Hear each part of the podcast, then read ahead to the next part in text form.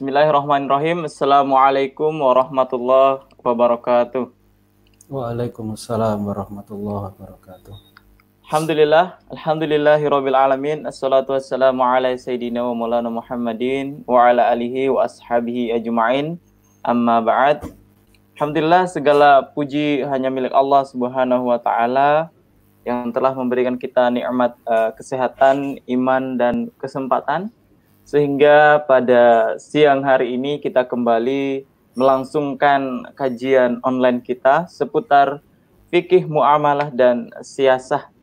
Alhamdulillah pada hari ini kita telah memasuki Ramadan yang ke-29. Artinya ini adalah Ramadan penghujung Ramadan yang mudah-mudahan uh, Ramadan kita tahun ini uh, mendapatkan berkah dan juga Ramadan kota kali ini diterima oleh Allah Subhanahu wa taala dan kita betul-betul dicap sebagai orang-orang yang bertakwa. Amin Allahumma amin. Nah, tentunya dalam penghujung Ramadan ini uh, banyak aktivitas lain yang juga menjadi kewajiban bagi kita umat Islam ya uh, yang saya maksud di sini adalah salah satunya adalah uh, zakat fitrah. Nah, pada kesempatan hari ini kita akan membahas fikih seputar zakat fitrah dan zakat uang. Nah, telah hadir di layar kaca Anda, di layar kaca HP maupun laptop Anda, pemirsa uh, Khilafah Channel, bersama Kiai Haji Sidik Al-Jawi. Assalamualaikum Ustaz. Waalaikumsalam warahmatullahi wabarakatuh. Ya, kita harus mencontoh uh, kiai kita karena semakin ujung Ramadan uh, penampakan beliau semakin fresh dan semakin semangat, masya Allah. ya, alhamdulillah. Ya, jadi semakin uh, Ramadan itu di terakhir harus semakin digenjot ya Ustaz ya. Soalnya uh, di 10 malam terakhir itu ada keberkahan yang begitu melimpah. Ya, alhamdulillah. Uh, kami ingatkan kepada seluruh pemirsa Khilafah Channel jika ada pertanyaan dan kami lihat ini ternyata sebelum live saja Ustaz itu udah ya. ada pertanyaan yang masuk Ustaz. Berarti memang tema kita kali ini sangat-sangat uh, banyak yang yang ingin dipertanyakan ya Ustaz ya. Oke, langsung saja mungkin Ustaz kita persilakan kepada Ki Haji Sidik Al-Jawi untuk mengulas tema kita hari ini seputar fikih zakat fitrah dan juga zakat uang. Kami persilakan Ustaz. Baik, terima kasih. Alhamdulillah, wassalatu wassalamu ala rasulillah wa ala alihi wa sahbihi wa mawala amma ba'du. Uh, baik, pada siang ini kita akan membahas tentang zakat fitrah dan zakat uang. Saya akan mulai dulu dengan zakat fitrah ya. Nah, ada beberapa tema yang sering muncul ya yang saya jadikan tema pembahasan pada pembahasan zakat fitrah kali ini Nah, yang pertama ini terkait dengan eh, apa namanya kriteria mampu dalam berzakat fitrah. Jadi ada pertanyaan kalau seseorang itu berzakat fitrah itu kan harus mampu. Nah, apa kriteria mampu? Dan apakah boleh kalau seseorang itu dia menerima zakat fitrah, dia kemudian mengeluarkan zakat fitrah itu dengan beras yang sudah dia terima itu. Nah, jawabannya begini. Jadi mengenai kriteria mampu menurut jumhur ulama yaitu dari madhab Maliki, Syafi'i dan Hambali, kriteria mampu dalam berzakat fitrah itu adalah mempunyai kelebihan bahan makanan pokok pada malam hari raya Idul Fitri. Jadi pada malam hari keesokannya itu adalah Idul Fitri, itu seseorang mempunyai kelebihan bahan makanan pokok untuk malam itu sama keesokan harinya. Nah, itulah kriteria mampu menurut jumhur ulama. Kalau menurut madhab Hanafi, kriteria mampu berzakat fitrah itu seseorang harus punya harta yang mencapai nisab. Ya, nisab harta apa saja, mungkin nisab uang atau nisab uh, emas atau nisab perak. Jadi harus mempunyai harta yang mencapai nisab. Tapi yang lebih kuat adalah pendapat jumhur yaitu tidak harus mencapai nisab ya, tapi mempunyai kelebihan uh, bahan makanan pada malam Idul Fitri. Nah, apa dalilnya? Nah, ini ada satu hadis yang diriwayatkan dari sahabat namanya Sahal bin Hanzalah bahwa Rasulullah Shallallahu alaihi wasallam bersabda, "Man sa'ala wa indahu ma yughnihi fa innama yastaksiru minan nar." Barang siapa yang meminta-minta padahal ada sesuatu yang mencukupi dirinya, maka berarti dia hanya memperbanyak api neraka. Man sa'ala wa indahu ma yughnihi fa innama yastaksiru minan nari. Faqalu maka para sahabat bertanya, "Ya Rasulullah, ma yughnihi?" Wahai Rasulullah, apa yang membuat dia itu tercukupi? Qal ayyakuna lahu sab'u yaumin wa lailatin Rasulullah mengatakan yang mencukupinya itu dia mempunyai makanan yang mengenyangkan dia ya untuk sehari semalam. Ya, hadis riwayat Imam Abu Dawud dengan sanad yang hasan. Nah, jadi dari hadis ini kita mengetahui bahwa kriteria mampu di dalam berzakat fitrah itu adalah seseorang mempunyai uh, kecukupan ya, mempunyai kelebihan dari sesuatu yang mencukupi dirinya. Jadi setelah tercukupi kebutuhan seseorang, kemudian kebutuhan untuk keluarganya, lalu ada kelebihan, maka berarti dia sudah mampu. Jadi sebagai contoh misalkan pada malam hari raya Idul Fitri, seseorang mempunyai bahan makanan untuk uh, dua jiwa. Padahal dalam keluarga itu ada lima jiwa uh, suami istri sama tiga, tiga anak, tapi hanya mempunyai bahan makanan yang cukup untuk dua jiwa. Berarti pada saat itu dia tidak mampu, ya maka dia tidak berzakat fitrah. Tapi sebaliknya kalau dia mempunyai bahan makanan yang cukup ya untuk keluarganya sudah cukup lima orang ada kelebihannya sampai bisa mencukupi 10 orang ya dia punya beras misalnya yang bisa mencukupi kebutuhan 10 orang dalam satu hari. Ya, berarti dalam kondisi seperti itu dia disebut mampu dan wajib mengeluarkan zakat fitrah. Nah, di sini kemudian saya mencoba untuk membuat eh, apa namanya kriteria mampu tadi secara lebih kuantitatif untuk beras ya. Nah, eh, menurut data BPS kebutuhan beras rata-rata orang Indonesia per orang per tahun itu 144 kg. Nah ini kalau kita bagi 144 kg itu dibagi 365 hari, itu ketemunya satu orang orang Indonesia rata-rata mengkonsumsi beras itu 0,39 kg atau kita bulatkan 0,4 ya 400 gram per orang per hari. Itulah eh, apa namanya rata-rata kebutuhan beras per orang per hari itu 400 gram. Nah, jadi kalau untuk misalnya sebuah keluarga ada lima orang, ayah, ibu sama tiga orang anak, berapa kebutuhan berasnya? Berarti 5 kali 400 gram, kira-kira 2 kilogram untuk satu hari, tiga kali makan itu. Nah,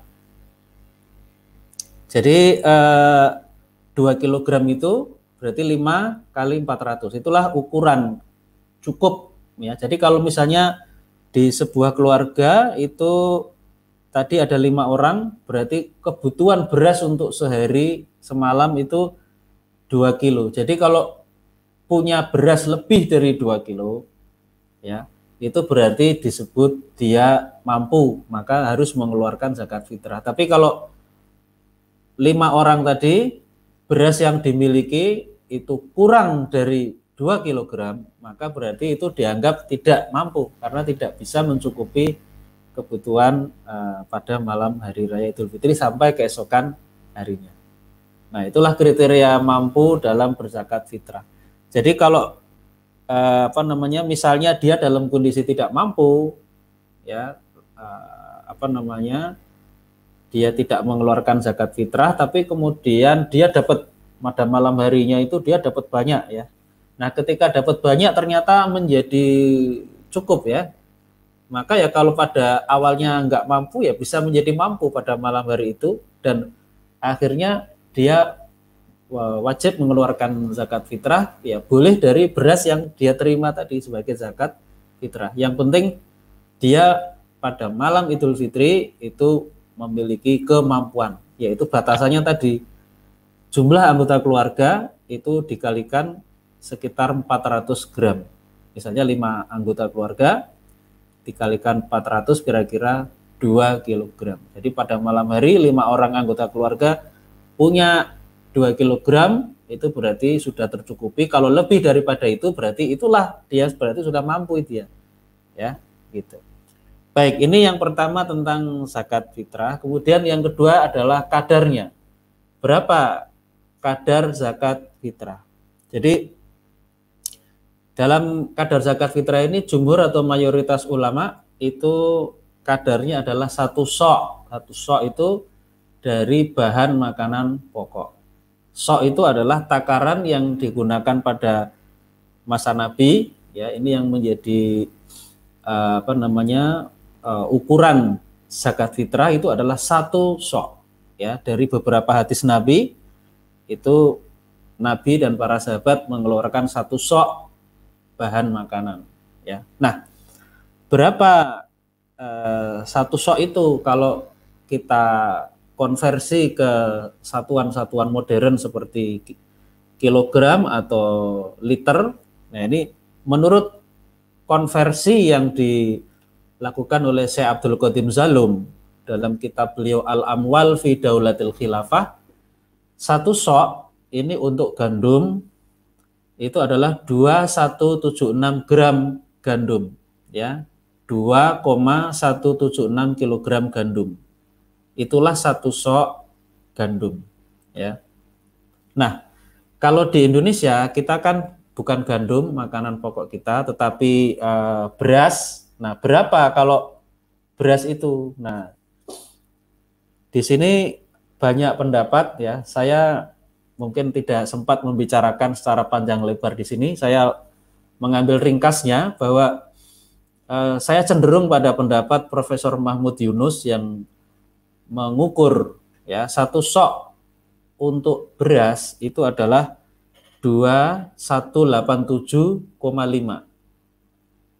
eh, gram beras. Jadi 2 2187,5 gram beras. Jadi eh, sedikit lebih banyak daripada eh, gandum. Kalau gandum tadi 2176 gram. Nah, kalau beras ini menurut pengukuran Profesor Mahmud Yunus dalam kitabnya Al-Fiqhul Wadih itu 2187,5. Nah ini menurut saya ini dibulatkan saja ke atas menjadi 2,2 kilogram. 2,2 kilogram. Nah 2,2 ini kalau misalnya kita beli itu kadang-kadang sudah diwadahi ya. Ada kantong-kantong beras itu menjadi dua setengah gitu. Nah apakah boleh kita mengeluarkan zakat itu untuk satu sok ya untuk satu orang itu Eh, dua setengah kilogram jawabannya boleh jadi yang yang diniatkan sebagai zakat fitrah yang itu merupakan wajib ya itu 2,2 tadi yang 300 gram itu kita niatkan sebagai sodakoh kalau ada kelebihannya ya di situ uh, mengamalkan firman Allah dalam surat Al-Baqarah 184 faman tatawwa khairan fahuwa khairun lahu Barang siapa yang dengan sukarela melakukan kebaikan, yaitu dengan menambahkan tadi, memberikan tambahan, fahuwa khairun lahu, maka itu akan menjadi kebaikan bagi dia, bagi orang yang melakukan kebaikan secara sukarela. Ya, jadi ukuran zakat fitrah itu seperti itu. Baik, eh, yang ketiga itu bolehkah mengeluarkan zakat fitrah dalam bentuk uang? Jadi membayarnya bukan dengan beras, tapi dengan uang. Apakah boleh? Nah, di sini memang ini ada perbedaan pendapat di kalangan ulama. kalau jumhur ulama selain madhab Abu Hanifah itu tidak membolehkan. Jadi kalau madhab Maliki, madhab Syafi'i, madhab Hambali itu zakat fitrah dibayar dengan bahan makanan pokok ya. Kalau madhab Abu Hanifah membolehkan dikeluarkan dalam bentuk uang yang senilai. Jadi misalnya dua setengah kilogram tadi ya, dikeluarkan dengan uang yang senilai. Misalnya biasanya keluarga itu sebuah keluarga makan beras yang satu kilo sepuluh ribu rupiah. Berarti dua setengahnya ya dua puluh lima ribu rupiah. Nah itu menurut madhab Abu Hanifah itu bisa seseorang atau boleh seseorang itu mengeluarkan dua puluh lima ribu rupiah ini sebagai pengganti beras. Ya. Nah, pendapat yang lebih kuat menurut kajian saya itu adalah pendapat jumhur ulama, yaitu yang dizakatkan, dikeluarkan zakatnya dalam zakat fitrah itu pendapat yang lebih kuat adalah yang berupa bahan makanan pokok. Ya. Kenapa? Apa alasannya? Karena dari hadis-hadis Nabi yang e, menjelaskan bagaimana zakat fitrah itu dikeluarkan oleh Rasulullah dan para sahabat, mereka ternyata mengeluarkan itu dalam bentuk bahan makanan, bukan dalam bentuk uang. Nah, ini harus dipahami bahwa pada saat itu uang itu sudah ada, sudah beredar di masa Nabi dan juga pada masa sahabat itu uang itu sudah beredar. Ada uang dinar, uang emas dari Romawi yang masuk ke Jazirah Arab pada waktu itu juga ada dari dirham uh, dari Persia itu masuk dirham perak. Itu juga sudah banyak digunakan di uh, Jazirah Arab pada waktu itu. Tetapi meskipun ada uang yang beredar, ternyata Rasulullah dan para sahabat itu tidak menggunakan uang untuk mengeluarkan zakat fitrah, melainkan menggunakan bahan makanan yang itu ditakar dengan takaran satu sok tadi. Ya, sebagai contoh misalnya ada hadis dari sahabat Nabi Ibnu Umar radhiyallahu anhu, beliau mengatakan Anna Rasulullah sallallahu alaihi wasallam faradha zakat al-fitri. Bahwa Rasulullah sallallahu alaihi wasallam telah mewajibkan zakat fitrah min Ramadhana alam nasi so'an min tamrin. Telah mewajibkan zakat fitrah untuk uh, manusia, maksudnya untuk kaum muslimin satu sok dari tamer ya tamar itu korma ausoan min syairin atau satu sok dari syair. Syair itu juwawud ya. Ala kulli uh, hurrin wa abdin. Atas setiap tiap orang merdeka dan budak zakarin wa unsa baik laki-laki atau perempuan minal muslimin dari kaum muslimin. Ya hadis riwayat Imam Bukhari dan Muslim. Jadi ini contoh hadis bahwa ternyata Rasulullah dan para sahabatnya itu pada waktu itu ketika mengeluarkan zakat fitrah itu adalah dalam bentuk bahan makanan ya. Jadi bukan dalam bentuk uang. Nah inilah yang menjadi pegangan jumhur ulama ya bahwa yang lebih kuat itu adalah mengeluarkan zakat fitrah itu dalam bentuk bahan makanan pokok Adapun dari madhab Abu Hanifah itu seperti bisa dibaca di kitab Al-Fiqhul Islami wa Adilatuhu yang ditulis oleh Syekh Wahbah Zuhaili. Itu ada hadis yang menjadi sandaran madhab Hanafi yaitu sabda Rasulullah ugnuhum anil mas'alati fi mithli hadzal yaum. Ugnuhum berikanlah kecukupan kepada mereka, kepada fakir dan miskin, berikanlah kecukupan kepada mereka fi mithli hadzal yaum pada hari yang semisal ini yaitu hari Idul Fitri. Nah, memberikan kecukupan itu artinya bisa dengan uang, tidak harus dengan beras, yang penting tercukupi. Maka berdasarkan hadis ini ini yang uh, menjadi landasan uh, ulama madhab Hanafi membolehkan mengeluarkan zakat fitrah dengan uang karena yang disampaikan oleh Rasulullah itu adalah berikanlah kecukupan kepada mereka pada orang-orang fakir atau miskin pada yang semisal hari Idul Fitri ya. Tetapi di kitab Al-Fiqhul Islami wa Adilatuhu itu uh, ada penjelasan bahwa ini hadis tadi itu ternyata statusnya itu adalah doaif. Hadis itu lemah sehingga bagi ulama jumhur hadis ini tidak dapat dijadikan dalil untuk mendasari bolehnya zakat fitrah dengan uang. Yaitu persoalannya. Nah, oleh karena itu pendapat yang lebih kuat itu adalah pendapat jumhur ulama yang mengeluarkan zakat fitrah itu adalah dengan bahan makanan. Nah, kalau untuk Indonesia ya bahan makanan pokok yang dominan yang lebih banyak dimakan itu adalah beras. Maka inilah yang lebih tepat yaitu mengeluarkan zakat fitrah dalam bentuk beras. Ya, itu. Berikutnya eh, terkait dengan eh, siapa yang menjadi sasaran dari eh, zakat fitrah ya. Nah, yang menjadi sasaran zakat fitrah ini, ini ada perbedaan pendapat. Ada pendapat pertama itu mengatakan untuk fakir dan miskin saja. Ada pendapat yang kedua untuk delapan golongan atau delapan asnaf sebagaimana disebutkan dalam surat At-Taubah ayat 60 ada fakir, ada miskin, ada amil, ada mu'alaf dan seterusnya.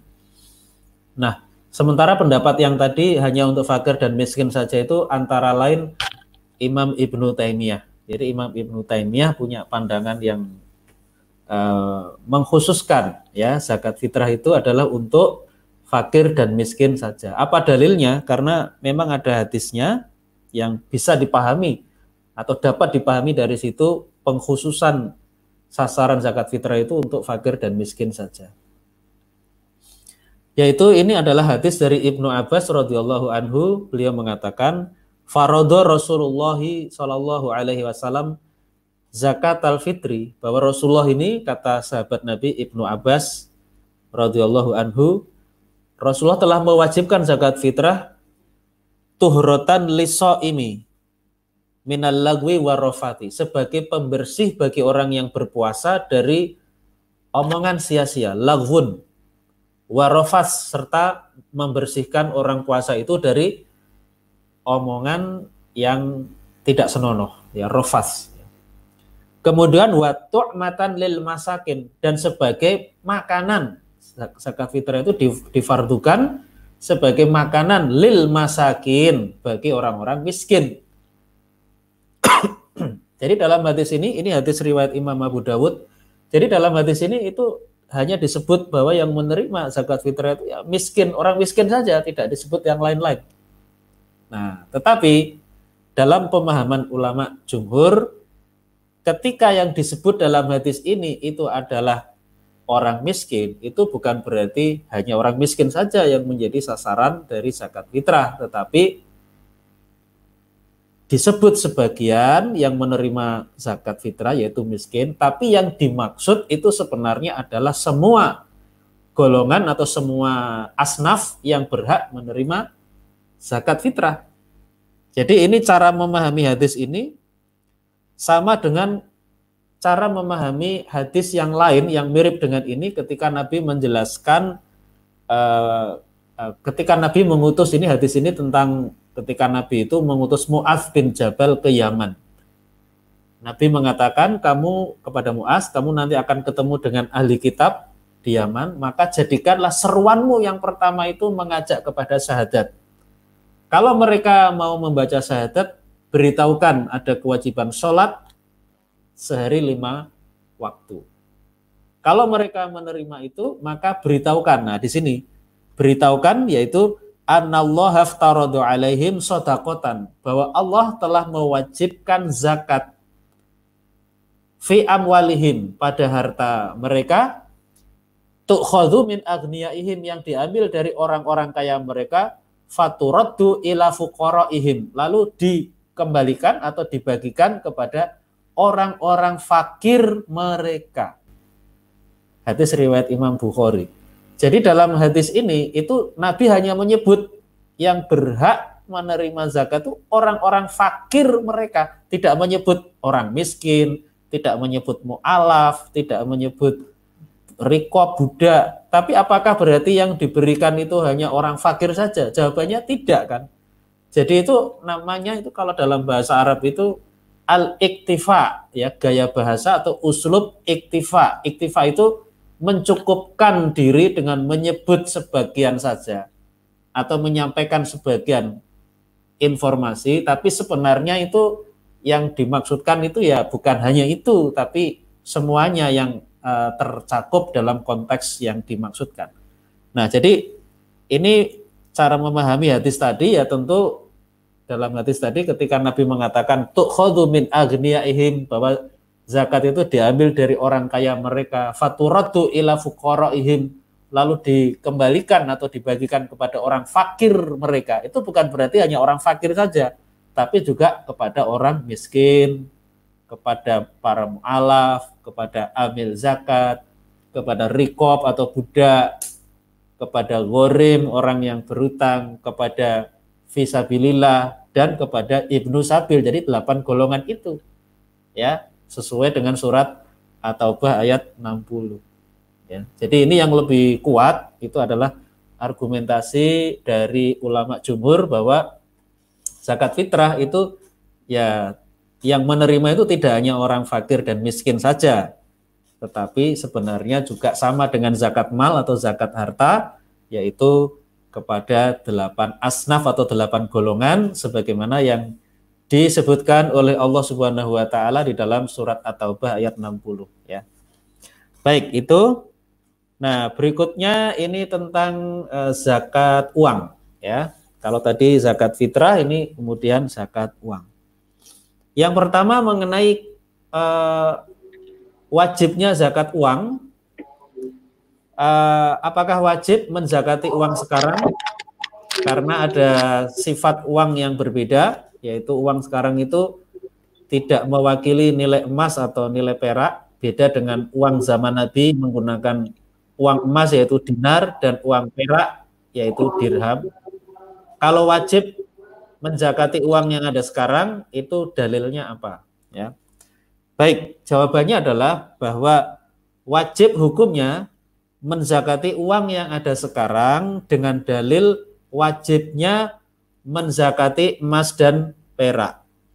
Jadi kalau uang sekarang itu memang tidak mewakili nilai emas dan perak, itu yang dalam Eh, buku-buku ekonomi disebut dengan fiat money ya atau uang fiat dalam bahasa Arab sering disebut dengan istilah an-nuqud al-waraqiyah ya yaitu uang yang dia tidak memiliki uh, apa namanya nilai emas yang setara dengan nominal di bank sentral memang nggak ada emasnya ya jadi berlaku semata-mata berdasarkan undang-undang atau berdasarkan peraturan pemerintah.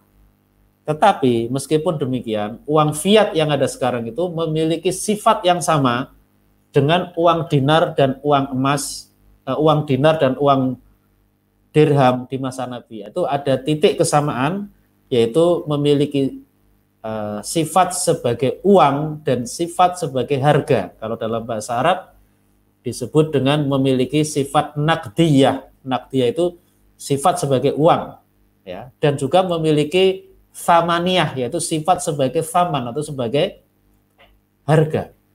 Jadi kalau dulu di zaman Nabi misalnya harga satu ekor kambing itu bisa dibeli dengan satu dinar. Jadi dinar itu bisa digunakan sebagai alat tukar membeli kambing. Satu dinar itu satu ekor. Dapat satu ekor kambing. Nah, sekarang kalau kita membeli kambing dengan uang rupiah, pertanyaan saya bisa apa tidak? Jawabannya bisa kan? Kita itu membeli kambing dengan uang rupiah. Jadi uang rupiah itu oleh masyarakat juga dianggap bisa menjadi alat tukar untuk mendapatkan satu ekor kambing. Berarti ada kesamaan sifat antara uang rupiah yang ada sekarang dengan dinar yang ter, yang dipakai di zaman Nabi.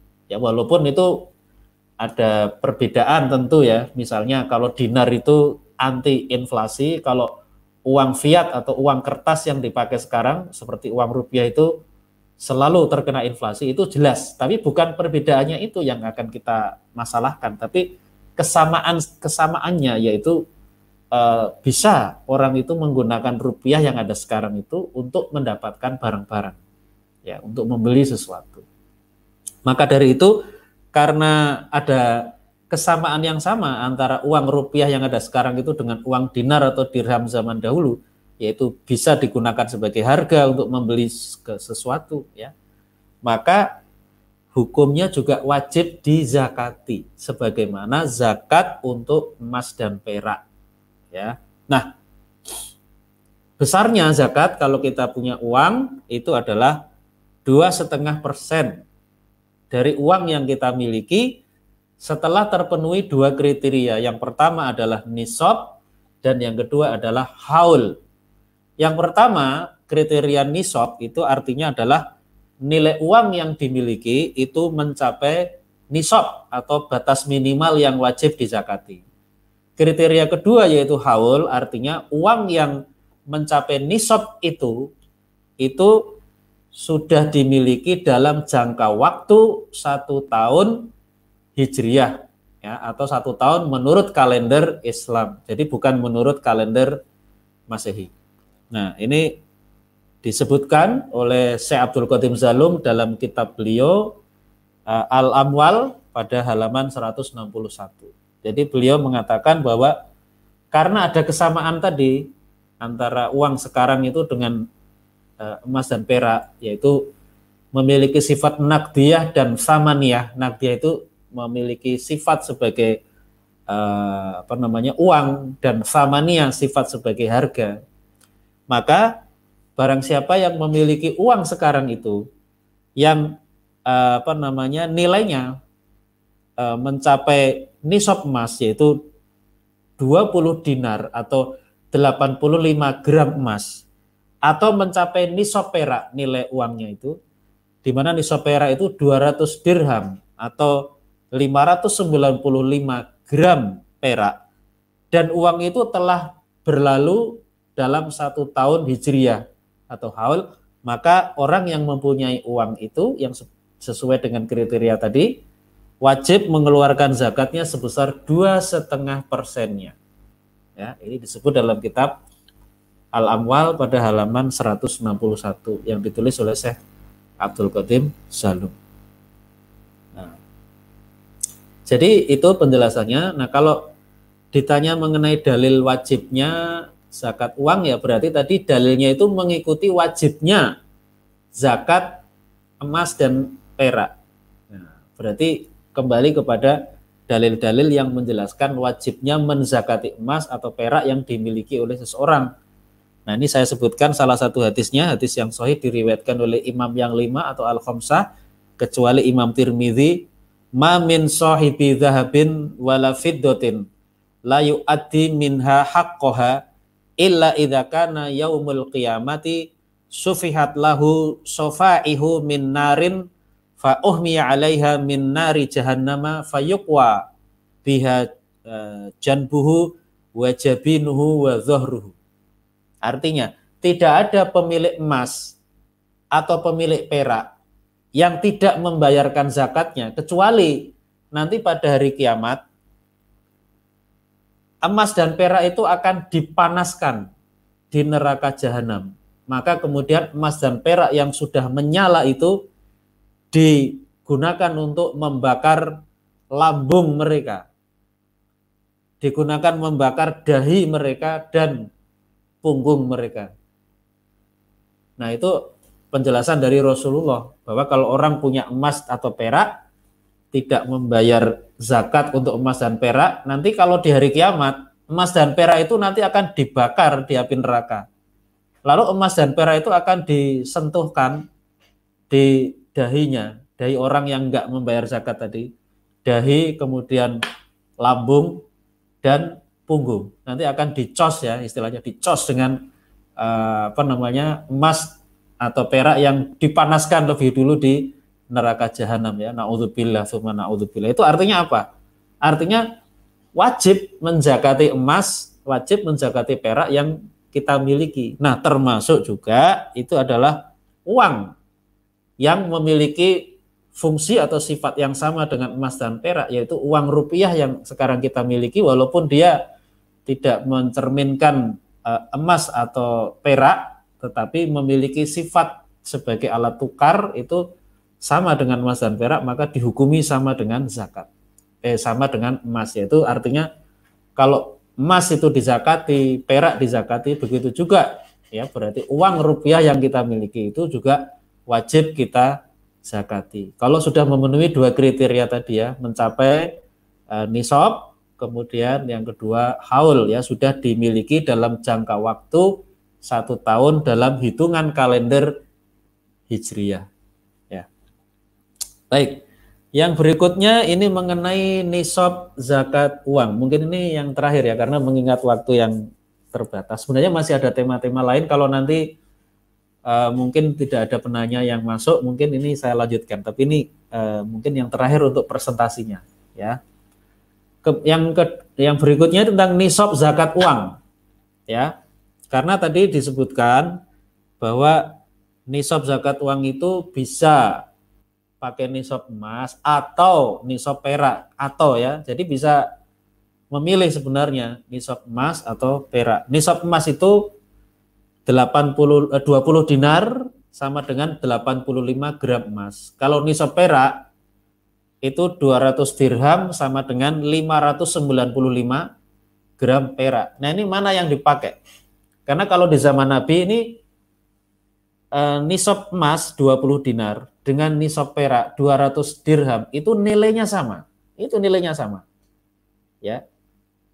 Jadi nilainya sama itu itu artinya ketika 20 dinar emas atau 200 dirham perak itu kalau digunakan membeli sesuatu itu mendapat barang yang sama. Jadi kalau zaman dulu 20 dinar itu bisa digunakan membeli kambing 20 ekor kambing. Karena satu ekor kambing itu dulu harganya satu dinar emas dulu di zaman Nabi.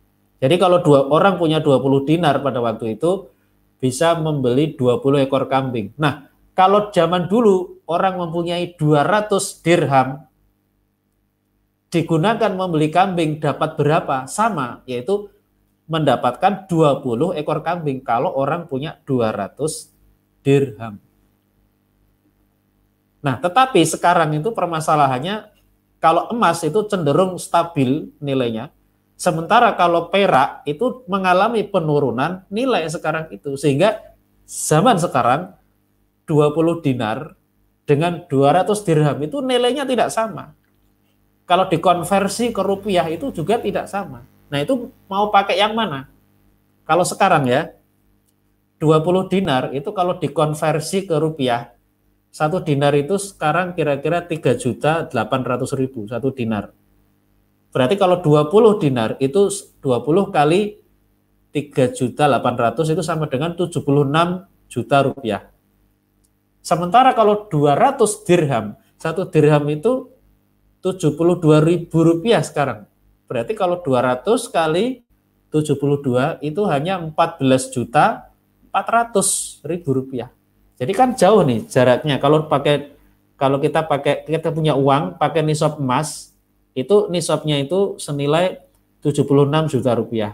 Tapi kalau pakai nisab perak 200 dirham itu hanya 14 juta 400 ribu. Nah pertanyaannya adalah nisab mana yang dipakai saat ini kalau kita punya uang? Apakah kita mau pakai nisab emas atau pakai nisab perak? Nah ini jawabannya ternyata uh, ada khilafiyah, ada perbedaan pendapat di kalangan ulama. Di kitab yang berjudul Nawazilu Zakat, Nawazilu Zakat yang ditulis oleh Abdullah Mansur Al-Ghufaili itu ada tiga pendapat. Pertama, nisab yang dipakai itu adalah nisab emas. Pendapat yang kedua, nisab yang dipakai adalah nisab perak untuk zakat uang ya. Yang ketiga, nisab yang dipakai itu adalah nisab yang paling rendah dari dua nisab yang ada. Aqallun nisabaini atau adna nisabaini, baina nisab adzhab wa nisab al-fiddah. Jadi ada tiga pendapat. Nah, mana pendapat yang lebih kuat? Nah, menurut penulis kitab ini yaitu Abdullah Mansur Al-Ghufaili dalam kitabnya Nawaziluz Zakat di halaman 160 menurut beliau yang lebih kuat atau roji itu adalah pendapat yang ketiga bahwa nisab yang dipakai untuk zakat uang itu adalah akolun nisobaini atau nisob yang paling rendah dari emas, nisob emas dan perak. Nah, pendapat ini ini juga sejalan dengan pendapat dari Syekh Abdul Qadim Zalum dalam nasrohnya pada tahun 84 juga sama dengan pendapatnya Syekh Atok Abu Rastah pada nasroh beliau atau salah satu tulisan beliau pada tahun 2011 Ya, jadi kalau zakat uang yang sekarang itu berarti yang kita pakai itu adalah nisab yang paling rendah dari nisab emas dan perak. Yang sekarang ini pada umumnya yang paling rendah itu ya nisab perak karena memang perak itu sekarang nilainya uh, tidak sama dengan emas ya, tidak sama dengan zaman Nabi dulu. Nah, ini saya berikan satu contoh Contoh perhitungan nisab yang dipakai kalau kita mau mengeluarkan zakat uang dari uang yang kita miliki ya. Nisab emas sekarang, nisab emas sekarang ini saya menghitung tanggal 21 Mei 2, tahun 2020 kemarin satu dinar itu 3 juta 800 ribu. Berarti kalau 20 dinar, nisab emas itu 20 dinar, 20 kali 3 juta 800 sama dengan 76 juta rupiah. Itu kalau kita menggunakan nisab emas ya. Nisab perak pada tanggal 21 Mei kemarin tahun 2020 nisab perak itu kan 200 dirham. Satu dirham itu 72 ribu. Berarti berapa rupiah? Berarti 200 kali 72 ribu ketemulah angka 14 juta 400. Nah, jadi mana yang dipakai antara 14 juta 400 dengan 76? Maka menurut pendapat yang tadi saya sebut, akolun nisoba ini yaitu menggunakan nisob yang paling rendah berarti perak yang dipakai nisob perak yang 14 juta 400 bukan menggunakan nisob emas. Jadi kalau misalnya di tabungan kita, kalau kita di tabungan punya uang misalnya 20 juta rupiah, berarti itu sudah mencapai nisob 20 juta rupiah itu. Kenapa? Karena nisabnya itu menggunakan nisab perak tadi hanya 14 juta 400 ribu. Kalau Anda punya tabungan itu 20 juta rupiah berarti sudah lebih dari nisab perak itu. Tapi kalau menggunakan nisab emas kan 76 juta, itu berarti belum belum mencapai. Ya. Tapi kalau kita mengikuti pendapat tadi bahwa yang pendapat yang paling kuat itu adalah akolun nisobaini atau adnan nisobaini ya. Nisab yang paling rendah dari dua nisab yang ada ya berarti nisab perak itu yang kita pakai sekarang ya. Nah jadi eh, seperti itu eh, apa namanya penjelasan mengenai nisab uang. Baik teman-teman untuk sementara itu ya. Untuk waktu berikutnya mungkin kita beri kesempatan untuk tanya jawab ya. Sebenarnya masih ada tema-tema lain yang saya siapkan tapi nanti kita lihat waktu ya mungkin kita beri kesempatan dulu untuk uh, tanya jawab. Ya, terima kasih. Assalamualaikum warahmatullahi wabarakatuh. Ya, waalaikumsalam warahmatullahi wabarakatuh. Ya, uh, alhamdulillah begitu banyak penjelasan terkait dengan tema kita hari ini dan juga saat ini sudah begitu banyak pertanyaan yang telah masuk ya terkait dengan tema hari ini sehingga mungkin memang eh, waktu ini kita gunakan untuk sesi tanya jawab Ustaz ya. ya yeah. uh, mungkin langsung saja Ustaz saya yeah, yeah akan pertanyaan yang pertama masuk itu dari uh, Avengers Muslim. Ini hukum zakat online gimana Sat? Mungkin karena saat ini masih ada yang ada yang mengatakan bahwa kalau COVID seperti ini boleh mungkin ya zakat online gitu. Ya, kalau zakat online itu itu kan berarti membayar dengan uang tunai kan gitu, ditransfer Nah, ini berarti itu tergantung kita. Kita itu mengikuti madhab yang mana. Kalau tadi sudah saya jelaskan bahwa kalau kita mau membayar ini ini zakat fitrah mungkin ya pertanyaannya. Kalau zakat fitrah itu ya pendapat yang lebih kuat itu dibayar dengan bahan makanan pokok bukan dengan uang. Ya. Jadi kalau zakat fitrah itu tidak dengan uang ini menurut pendapat jumhur yang lebih kuat ya. Nah, jadi itu kalau mengikuti pendapat jumhur berarti ya tidak bisa ditransfer. Kita memberikan dalam bentuk bahan makanan pokok yaitu beras sampai kepada orang miskin bentuknya juga beras bukan uang. Kecuali begini, kecuali kita itu ketika mentransfer uang secara online itu kita memberikan amanah pesan kepada penerima, tolong uang ini bukan berarti saya berzakat uang kepada fakir dan miskin, tapi tolong belikan beras dengan uang saya ini dan sampaikan beras saya ini kepada mereka. Nah, kalau itu seperti itu boleh. Zakat online ketika kita transfernya uang itu boleh kalau ada kita pesan seperti itu. Ya. Baik, saya kira itu jawaban saya ringkasnya demikian. ya, alhamdulillah. Uh, selanjutnya Ustaz, ini dari Fitri Hasan. Ya, Mohon penjelasan mengenai delapan golongan penerima asnaf tadi saat karena ada ustadz yang menjelaskan zakat boleh untuk bangun masjid karena masjid masuk golongan fisabilillah mazhab Syafi'i kata penjelasannya. Ya, jadi fisabilillah itu yang dimaksud itu adalah dalam peperangan al kalau dalam kitab-kitab fikih empat madhab itu sepakat madhab Abu Hanifah, madhab Maliki, madhab Syafi'i, madhab Hambali, empat, empat madhab itu sepakat yang disebut visabilillah itu adalah orang-orang yang berperang di jalan Allah. Dalam bahasa Arab itu disebut dengan al-huzatu visabilillah. Huzat itu bentuk jamak dari ghozi. Ghozi itu artinya orang yang berperang, mujahidin. Jadi yang namanya visabilillah itu untuk keperluan jihad visabilillah. Ya. Jadi kalau diberikan ke masjid itu masjid itu tidak termasuk jihad sebenarnya. Jihad dalam arti syar'i ya. Itu tidak termasuk. Jadi kalau menurut jumhur ulama itu tidak boleh. Tidak boleh kita mengeluarkan zakat kepada masjid atas nama fisabilillah. Memang ada sebagian ulama yang mengartikan fisabilillah itu dalam pengertian yang luas ya di antaranya Imam Fakhruddin Ar-Razi dalam kitabnya Mafatihul Ghaib beliau mengartikan fisabilillah itu artinya adalah ai fi jami'i wujuhil khair pada semua bidang-bidang kebaikan.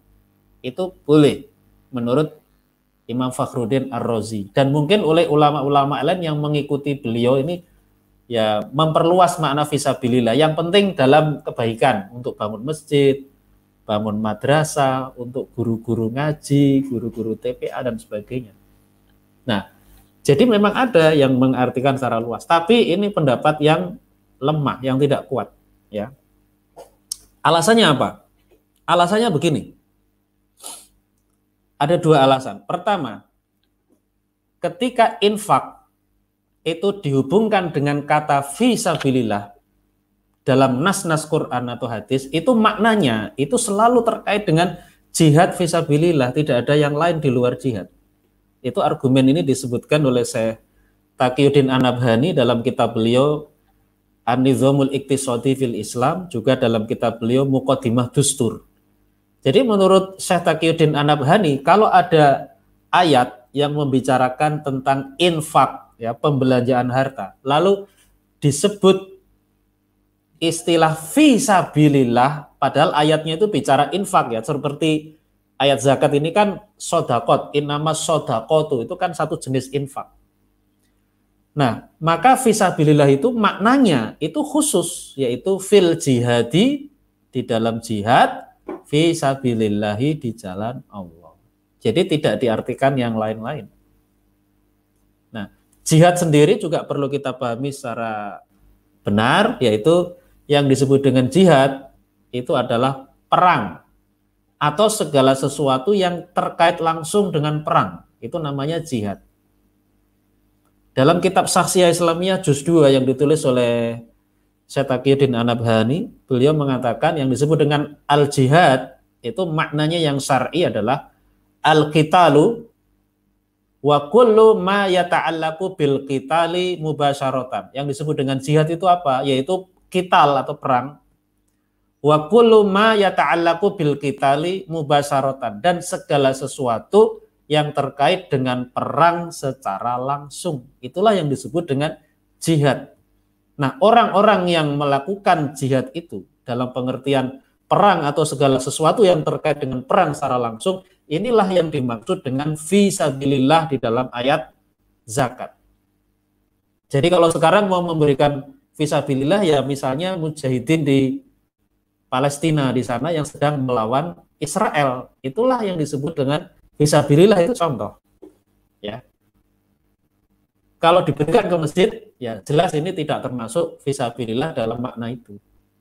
Ya. Meskipun ada ulama yang memperluas makna jihad tadi, ya, eh, makna visabilillah tadi seperti Imam Fakhruddin Ar-Razi, tapi ini makna yang kurang uh, tidak kuat. Jadi alasan yang pertama kenapa yang lebih kuat itu adalah visabilillah itu maknanya terkait dengan jihad karena nas-nas Al-Qur'an yang menyebutkan infak ketika kemudian dikaitkan dengan visabilillah itu maknanya adalah jihad. Kemudian argumen yang kedua, kenapa visabilillah itu artinya adalah dalam peperangan atau yang terkait dengan perang secara langsung? Alasannya begini. Uh, kalau orang mengartikan, kalau orang mengartikan visabilillah itu artinya pada semua bidang kebaikan, fi jami'i wujuhil khair, seperti oleh Imam Fakhruddin Ar-Razi dalam kitabnya Mafatihul Ghaib tadi kitab tafsir beliau. Maka sebenarnya bisa kita jelaskan begini. Kalau orang memberikan harta kepada orang fakir, itu kebaikan apa bukan? Itu kan mesti kebaikan kan? Oh, memberikan harta kepada orang miskin itu kan kebaikan. Memberikan uang kepada amil kebaikan. Memberikan uang kepada rikop itu juga kebaikan. Jadi andai kata, andai kata benar maksud saya, andai kata benar bahwa visabilillah itu maknanya fi jami'i wujuhil khair, mestinya ayat zakat itu sederhana saja. Inama sodaqotu visabilillah, sudah selesai.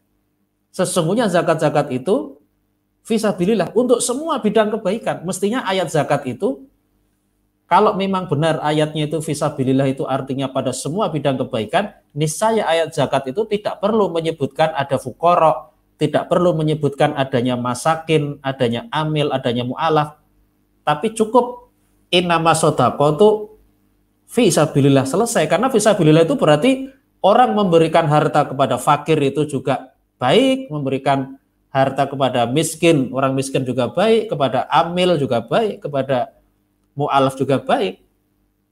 Tetapi ternyata ayat zakat itu kan tidak seperti itu, bukan inama sodakotu visabilillah, tapi inama sodakotu lil fukoro, wal masakin, wal amilina alaiha, wal mu'allafati kulubuhum, wa firriqobi, wal ghorimina, wa fi wa sabil.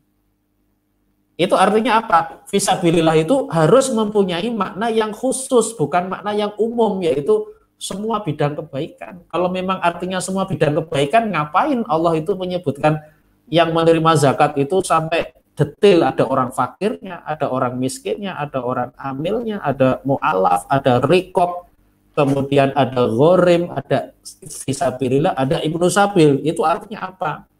Fisabilillah itu tidak bisa, tidak tepat diartikan semua bidang kebaikan. Itu pasti ada makna yang khusus. Nah, makna yang khusus itulah yang itu oleh para ulama jumhur itu ditafsirkan bahwa fisabilillah itu ya uh, huzat ya gozi orang yang berperang di jalan Allah. Jadi tidak bisa ditafsirkan secara lebih umum lagi gitu. Ya. Nah, ini argumentasi kenapa Fisabilillah itu maknanya itu harus khusus, nggak bisa umum. Karena ya disebutkan secara detail orang-orang yang soalnya. Ada fakir, ada miskin, dan seterusnya. Jadi kalau eh, zakat fitrah itu diberikan kepada masjid, kepada guru-guru ngaji itu atas nama visabilillah ya, itu menurut pendapat jumhur ini tidak sah, tidak bisa. Kalau untuk orang guru dan sebagainya, Nah, itu harus diteliti. Kalau memang dia itu termasuk orang yang fakir atau miskin, ya bisa diberikan kepada mereka sebagai golongan fakir atau miskin, tapi bukan sebagai golongan visabilillah. Ya, itu pendapat saya. Terima kasih. Iya, alhamdulillah. Uh, ini juga mungkin uh, bisa diperjelas Ustaz. Berarti memang zakat fitrah itu khusus untuk 8 asnaf saja Ustaz ya. Tidak boleh keluar dari 8 golongan itu Ustaz. Iya, jadi ya uh, zakat fitrah itu untuk 8 golongan. Jadi artinya bukan hanya untuk orang fakir dan miskin saja. Itu maknanya ya. Hmm. Iya, berarti memang uh, tidak boleh keluar dari 8 8 kategori itu Ustaz ya. Iya. Iya, iya, Ustaz. Oke. Ya, uh, selanjutnya Ustaz, ini ada uh, memperjelas lagi terkait 8 golongan ya. Ini dipertanyakan bagaimana cara pembagiannya Ustaz. 8 golongan itu zakatnya dibagi seperti apa Ustaz? Ya, Afwan bertanya Ustaz, sebenarnya bagaimana cara pembagian zakat kepada 8 asnaf itu? Ya, jadi uh, dalam syariah itu tidak ada dalil yang khusus harus dibagi kepada delapan asaf itu caranya bagaimana? Nah itu berarti artinya itu nas yang bersifat mutlak ya dalam kaidah usul fikih itu disebutkan al mutlaku yajri ala itlaqihi malam yarid dalilut taqyid. Jadi nas yang bersifat mutlak itu ya tetap dalam kemutlakannya selama tidak ada dalil men, yang mentakit atau membatasi. Jadi kalau demikian berarti nas yang menjelaskan delapan golongan tadi ya cara membaginya ya dibagi kepada golongan yang ada. Golongan yang ada sekarang itu dari delapan golongan itu sudah ada yang tidak ada sekarang. Nah itu dibagi kepada yang ada. Fakir ada, ya dibagikan. Fakir, miskin itu ada. Tapi ada tiga golongan yang sekarang ini menurut uh, Syekh Mahmud Abdul Latif Uwaidoh dalam kitabnya Al-Jami Al-Jami fi Ahkamis Siam itu tidak ada, ada tiga golongan. Berarti itu dibagikan kepada lima golongan saja sekarang. Bisa kalau ada diberikan, kalau tidak ya eh, apa namanya ya dibagi kepada yang ada. Sekarang ini tiga golongan yang tidak ada itu pertama mu'alaf, mu'alaf. Yang kedua adalah amil zakat ketika rikob budak itu enggak ada. Mu'alaf itu artinya orang yang menurut penilaian khalifah itu layak diberi zakat karena dia baru masuk Islam. Jadi yang menilai dia mu'alaf atau bukan mu'alaf itu khalifah. Sekarang ini khalifah itu tidak ada. Karena khalifah itu sekarang tidak ada berarti sebenarnya mu'alaf dalam arti uh, orang yang berhak menerima zakat berdasarkan penilaian khalifah itu sebenarnya tidak ada. Mu'alaf dalam arti yang berhak menerima zakat berdasarkan penilaian khalifah. Bukan bukan mu'alaf dalam arti orang yang baru masuk Islam itu jelas ada terus. Mu'alaf dalam arti itu ada terus. Tapi mu'alaf dalam arti orang yang berhak mendapat zakat menurut penilaian khalifah. Khalifahnya sendiri nggak ada sekarang.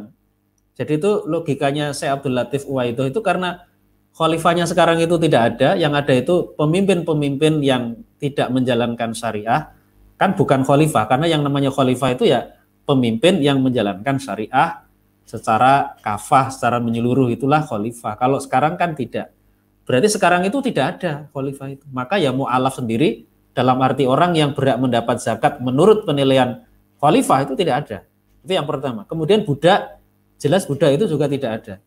Yang ketiga itu adalah amil zakat itu juga tidak ada sekarang. Kenapa? Karena yang namanya amil zakat itu adalah orang yang diangkat oleh khalifah untuk mengambil zakat dan membagikannya kepada yang berhak. Jadi yang namanya amil zakat itu orang yang diangkat oleh imam atau khalifah. Itu penjelasan dari empat madhab saya baca mengenai definisi amil zakat itu sama dari madhab Abu Hanifah, madhab Maliki, madhab Syafi'i, Hambali mengatakan hal yang sama untuk amil zakat, yaitu orang yang diangkat oleh imam atau khalifah untuk dua tugas. Pertama mengambil zakat dari muzaki dan tugas yang kedua membagikan zakat kepada mustahik zakat atau golongan-golongan yang berhak mendapat zakat. Itu imam yang mengangkat. Jadi bukan mengangkat, diangkat oleh pemimpin yang sekarang, kalau pemimpin sekarang tidak memenuhi kriteria imam atau khalifah karena tidak menerapkan syariah Islam. Ya.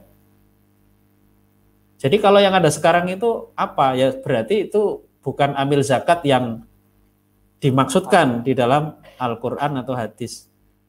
Maka implikasinya adalah ini mereka ini tidak boleh mengambil bagian zakat atas nama ambil zakat. Tidak berhak mereka. Kenapa? Karena yang mengangkat mereka siapa kan? Bukan khalifah, khalifahnya sendiri tidak ada atau belum ada lagi. Jadi oleh karena itu sekarang kalau kita itu mau menjadi panitia zakat, itu posisikan panitia zakat itu dengan benar. Anda itu bukan ambil zakat yang berhak mengambil atau memotong zakat itu atas nama ambil zakat. Tetapi kalau ingin mendapatkan sesuatu, Anda itu menjadi wakil dari muzaki. Dengan akad wakalah.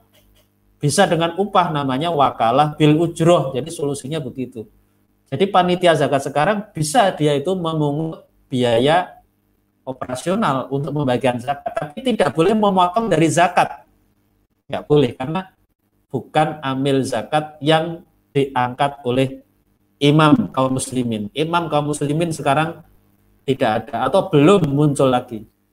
Itu. Itu jadi intinya begini, kalau kita mau membagikan zakat ya bagikan kepada delapan golongan minus tiga golongan tadi yang tidak ada itu adalah mu'alaf. Ya, mu'alaf dalam arti menurut penilaian imam ya, bukan mu'alaf artinya orang yang baru masuk Islam. Kalau itu selalu ada, tapi artinya mu'alaf yang menurut penilaian seorang imam, imamnya sendiri nggak ada masalahnya itu. Nah, kemudian yang kedua apa namanya uh, rikop budak sama yang ketiga itu adalah uh, apa namanya golongan uh, apa tadi amil zakat ya. Nah, bagikan kepada fakir yang pertama fakir itu masih ada jelas, miskin masih ada, kemudian uh, ibnu sabil sama visabilillah sama gorimin lima ya ini lima. Nah ini kalau lima ini ada di tengah-tengah masyarakat ya berikan kepada mereka. Secara syariah itu tidak ada cara yang khusus ya, walaupun ada perbedaan sedikit di antara para madhab itu, tapi sebenarnya tidak ada dalil yang uh, khusus yang mendasari cara pembagian masing-masing madhab karena sebenarnya dalilnya itu mutlak seperti yang saya sebutkan di awal tadi. Ya berarti bisa kita bagikan kepada golongan-golongan yang ada intinya itu. Ya ya saya kira itu. Terima kasih. Iya uh, Mbak ini juga menandakan bahwa uh, zakat itu kalau memang sisa empat atau lima golongan itu dihabiskan ke lima golongan itu ya Ustaz ya? Ya, di, diberikan pada lima golongan yang ada itu. Iya, oke. Okay. Ini ada yang bertanya Ustaz, dari lima golongan yang tersisa misalnya Ustaz, itu ada golongan gorimin. Nah, misalnya ditanyakan ini adalah gorimin yang seperti apa yang masuk mustahid itu Ustaz? Mustahik zakat itu Ustaz, yang berhak menerima zakat itu. Jadi gorimin yang uh, berhak menerima zakat itu artinya gorimin yang tidak mampu melunasi utangnya. Jadi kalau tidak mampu, dia berhak tidak mampu melunasi utangnya, dia berhak mendapatkan zakat. Sebab kalau tidak diberi kata tidak diberi kata sifat tidak mampu, itu berarti pengusaha-pengusaha besar yang utangnya miliaran triliunan itu menjadi mustahik zakat semua. Coba pengusaha-pengusaha itu, itu kan mesti punya utang itu pengusaha-pengusaha itu. Dan utangnya itu kan bisa miliaran. Apakah mereka itu gorimin yang dimaksudkan? Jawabannya tidak.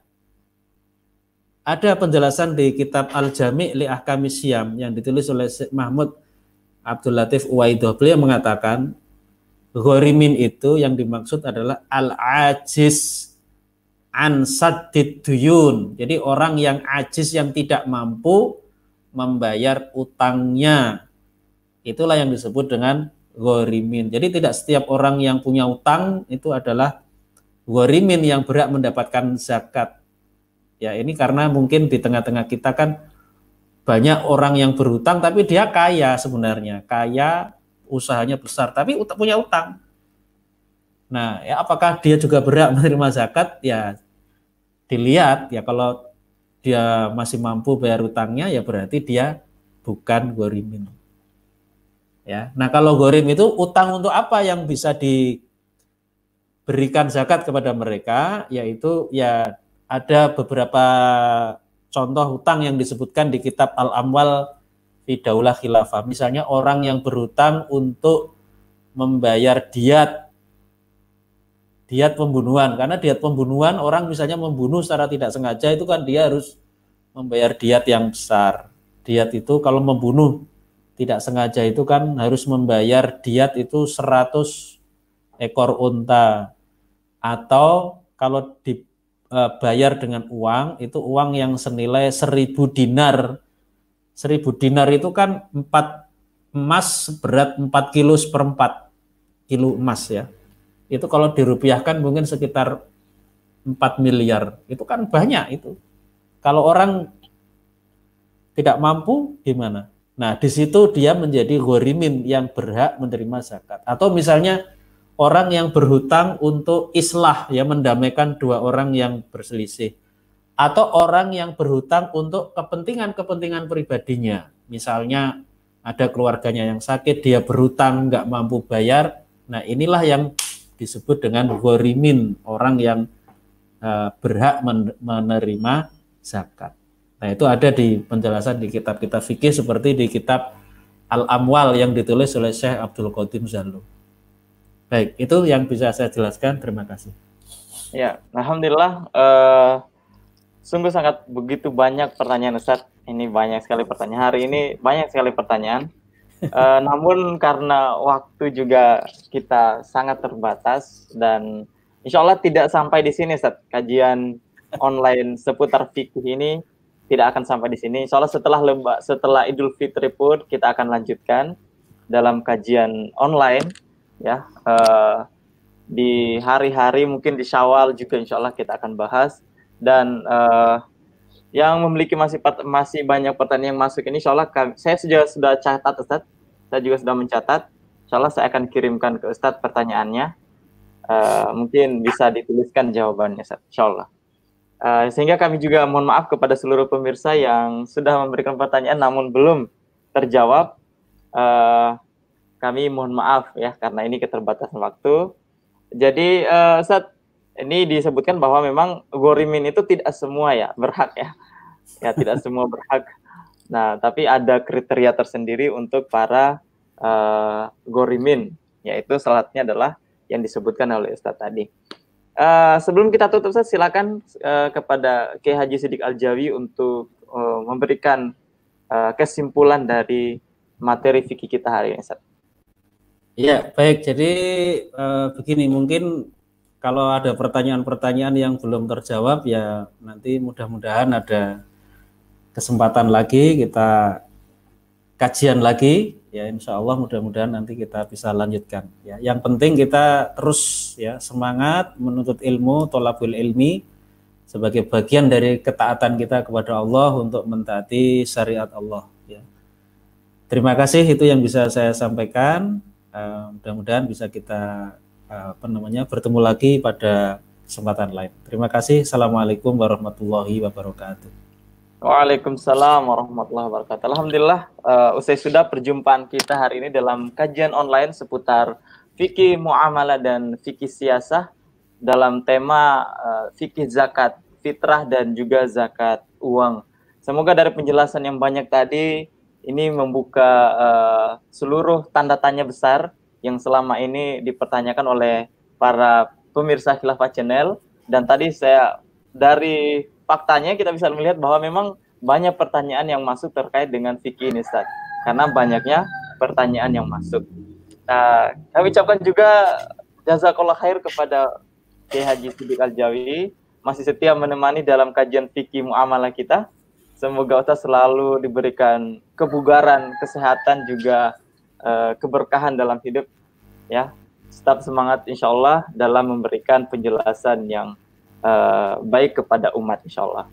Alhamdulillah uh, karena ini penghu di penghujung Ramadan dan mungkin esok atau dua hari lagi uh, satu Syawal uh, telah tiba, maka kami dari seluruh kru dari Khilafat Channel yang bertugas kami ucapkan uh, takabbalallahu minna wa minkum. Mohon maaf lahir dan batin, semoga Allah menerima seluruh amal ibadah kita dan kita termasuk orang-orang yang dikategorikan sebagai orang-orang yang bertakwa. Amin Allahumma amin. Terima kasih kepada seluruh penonton dan kami akhiri uh, kajian online uh, siang hari ini dengan ucapan billahi taufiq wal hidayah. Wassalamualaikum warahmatullahi wabarakatuh. Waalaikumsalam warahmatullahi wabarakatuh.